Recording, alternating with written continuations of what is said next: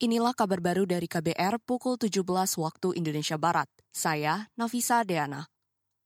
Wakil Presiden Maruf Amin meminta calon perwira remaja TNI Polri 2023 mampu menjadi ujung tombak dalam menjaga keamanan dalam negeri, khususnya dengan terus menjaga komitmen, mengasah kecakapan diri, serta menjalankan tugas kepemimpinan. Hal itu disampaikan Wapres dalam acara pembekalan kepada para calon perwira remaja TNI Polri di Balai Sudirman, Jakarta hari ini.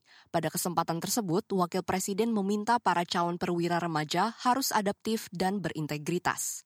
Kepada para capaja, saya pesankan untuk terus asah kompetensi dan kemampuan, tingkatkan kualitas diri dan daya saing untuk sikap menghadapi berbagai tantangan seiring dengan perkembangan zaman.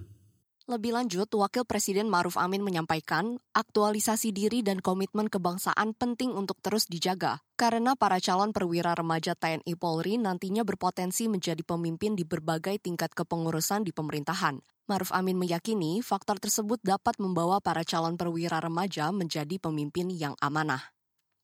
Beralih ke informasi hukum.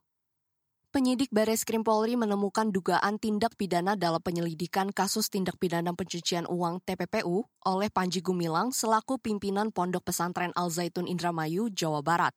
Juru bicara Mabes Polri Ahmad Ramadan mengatakan, temuan tersebut berdasarkan hasil koordinasi dan analisa mendalam dengan tim analisis dari Pusat Pelaporan dan Analisis Transaksi Keuangan PPATK dan ahli TPPU terhadap dugaan penyalahgunaan aliran transaksi keuangan di Ponpes Al Zaitun.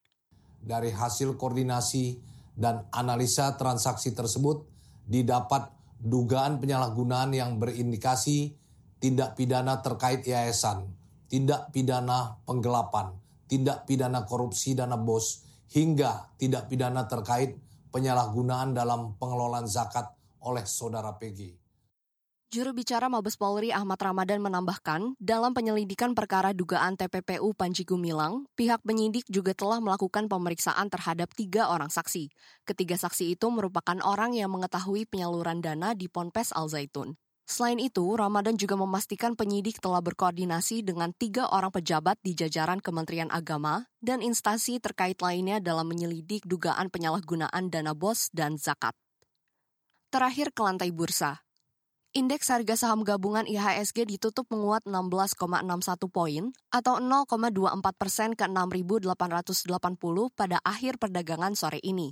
Tercatat sebanyak 250 saham naik, 240-an saham turun, dan 230-an saham stagnan. Tujuh indeks sektoral menguat, menopang kenaikan IHSG. Sedangkan tiga indeks sektoral lainnya masuk zona merah di penutupan akhir pekan ini.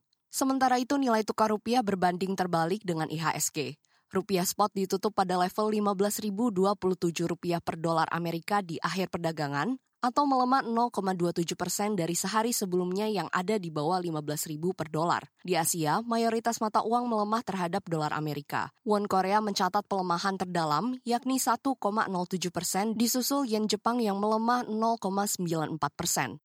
Inilah kabar baru dari KBR pukul 17 waktu Indonesia Barat. Saya Nafisa Deana.